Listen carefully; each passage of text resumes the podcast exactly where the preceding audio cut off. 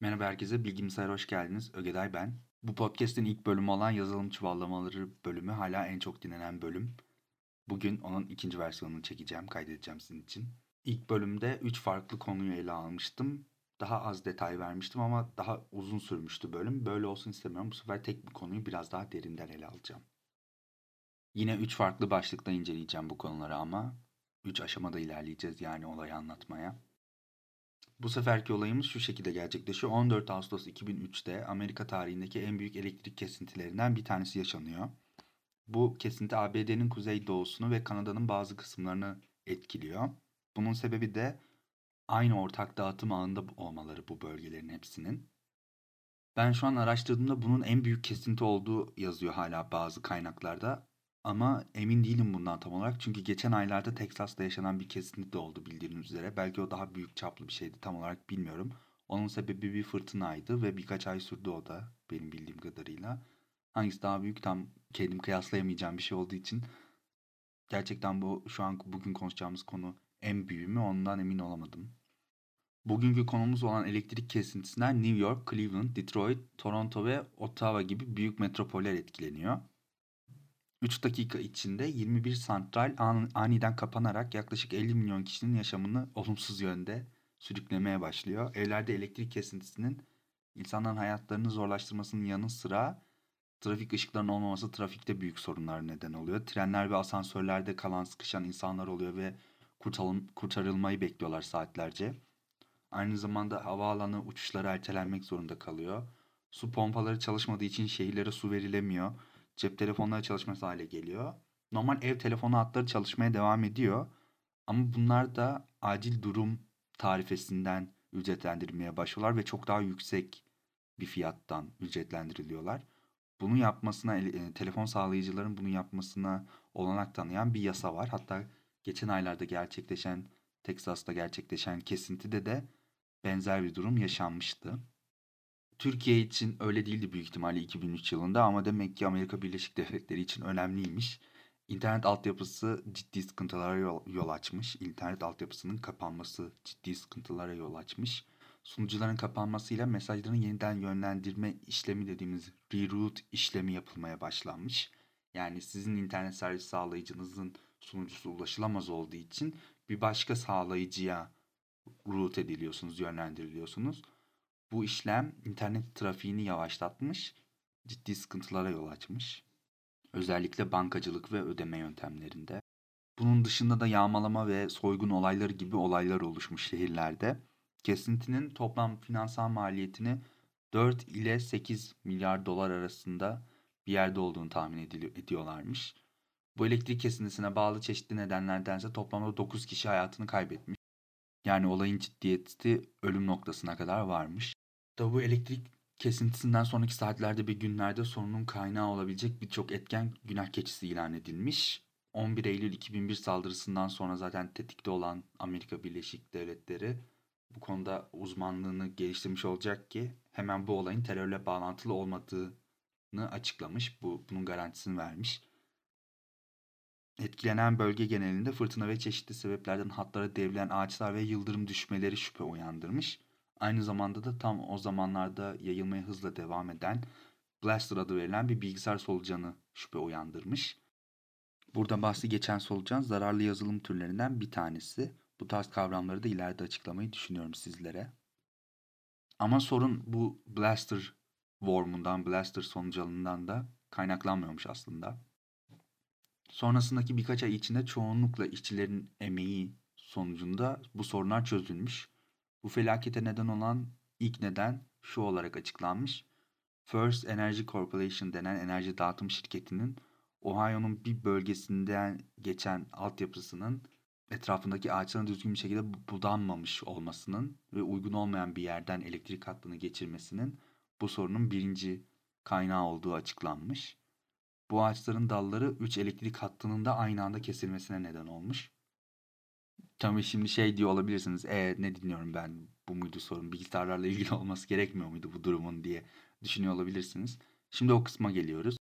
Normalde bu enerji dağıtım şirketlerinin sistemlerinde bu tarz arızalar meydana geldiğinde belli insanlar var bu işten sorumlu ve bir yerde kesinti olduğunda yükü dengelemek amaçlı başka bir hattan o hatta yük, güç verilmesi şeklinde bir dengeleme sorumluluğu yürütmeleri gerekiyor bu insanların.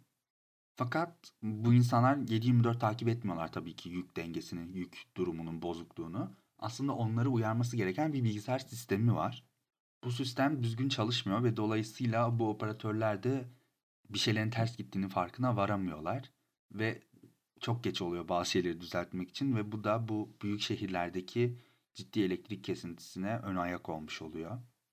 Öncelikle bu yük dengesizliği hızla diğer elektrik santrallerine yayılmaya başlıyor. Yani kademeli olarak dengesizlik artıyor ve daha büyük kesintilere sebep olmaya başlıyor. Bu olaydan yıllar geçtikten sonra medyada şu şekilde açıklanıyor. Birçok çeşitli faktör olmasına rağmen sorunun en büyük kısmı alarm sisteminin arızalı olmasıydı. Bu sorun en sonunda General Electric Energies denilen bir firmanın alarmları izlemek için kullandığı bilgisayardaki bir race condition hatası olduğu belirleniyor. Race condition denen şeyi basitçe açıklamam gerekiyor burada. Türkçe'ye rekabet durumu olarak çevirebiliriz bence bu race condition dediğimiz kavramı. Bu rekabet durumu bir bilgisayardaki programın bir ya da daha iki ya da daha fazla işlemin aynı anda ortak bir veriye erişmesi gerektiğinde, ortak bir veriye erişmesi ya da düzenlemesi gerektiğinde oluşan bir durum. Bunu çok basit bir örnekle örneklendirmek istiyorum. İki ayrı işlemimiz olduğunu düşünelim. Bu işlemlerden bir tanesi elimizdeki veriyi bir diğeri okuduktan sonra değiştiriyor olsun. Dolayısıyla bir önceki işlem o an okuduğu değer farklı bir yanlış olan bir değer olacağı için her ikisi de aslında birbirinden tamamen farklı ve birbirinden tamamen yanlış varsayımlarla ilerliyor olacaklar kendi hesaplamalarına. Şimdi bu race condition'ı biraz daha bizim anlayabileceğimiz, daha bizi ilgilendiren ve günümüz şartlarına uyarlanmış bir şekilde açıklamak istiyorum. Bir banka hesabı düşünelim. Sizin banka hesabınız olsun hatta bu. İçinde ilk olarak 500 lira var. Bu 500 liraya siz 200 lira yatırmak istiyorsunuz. 200 lira daha eklemek istiyorsunuz ve ATM'ye gittiniz. 200 lirayı koydunuz ve tam olarak işlem gerçekleşti ve ATM bilgisayarı sisteme evet bu kişinin artık 700 lirası var dedi. Fakat aynı zamanda bir yandan da bir fatura ödemeniz gerçekleşti 100 liralık. Bunların aynı anda olduğunu varsayalım. Birebir aynı zaman diliminde gerçekleştiğini varsayalım. Aynı zamanda da 100 liralık bir fatura ödemesi gerçekleşti ve bu 100 liralık fatura ödemesi sonucunda yapılan işlemde ilk önce banka hesabınıza bakıldı. Dendi ki 500 lirası var. 100 lira çekiyoruz. Ne kaldı geriye? 400 lira. Ve sizin banka hesabınızın sonucu 400 lira olarak yazıldı tekrardan banka sistemine. Fakat sizin yatırdığınız 200 lira vardı. O, o koşul bundan hemen önce gerçekleştiği için banka hesabınızın 700 olması güncellemesi banka hesabınıza iletilemedi aslında. Arada yok oldu. Çünkü her iki işlemde aynı anda başlamıştı ve her iki işlemede söylenen sizin hesabınızın 500 lira bir bakiyesi olduğuydu. Bir diğeri onu 700'e çekmeye çalışırken bir diğeri 400'e indirmeye çalışıyordu ve bir sonraki gelen 400'e indiren sonradan olduğu için sizin hesabınız 400 olarak yazılmış oldu ve 200 liranız kayboldu. Şimdi bu elektrik kesintisi olayımıza geri dönecek olursak büyük ihtimalle bu enerji dağılımını ölçen yapılardan bir tanesi bir başka değer ölçerken aynı anda gerçekleşen bir başka ölçümde bambaşka bir değer ölçülmesi sonucu bu alarm sistemi kafayı yedi büyük ihtimalle ve doğru tutması gereken herhangi bir değer kalmadı aklına. Yani elinde olan tek değeri bozdu kendi kendine ve onun üstünden varsayımlar yaparak hesaplarına devam ettiği için hiçbir zaman alarma geçme gereğinde bulunmadı bu sistem. Ve bütün santrallerdeki elektrik çöktüğünde sistem bunu bir hata olarak kabul edemediğinden büyük ihtimalle çünkü o an kendi verisinde yazılan değerler son derece normal ve alarm verilecek değerler olarak kabul edilmediği için sistem alarma geçmedi ve operatörleri uyarmadı. Operatörler de yapmaları gereken işi yapamaz oldular bu yüzden. Bir yük binmesinde dengeleme sağlamakla yükümlülerdi ama bunu yapamadılar çünkü haberleri yoktu aslında bir dengesizlik olduğundan. İşin ilginç tarafı Bu elektrik şirketi bir diğerinde bir sorun oluşması ihtimaline karşı aynı sistemden bir tane daha kurdurmuştu yedek olarak. Fakat aynı yazılımı çalıştırdığı için aynı mantık hatası o sistemde de gerçekleşti ve birebir aynı sonuca ulaştılar.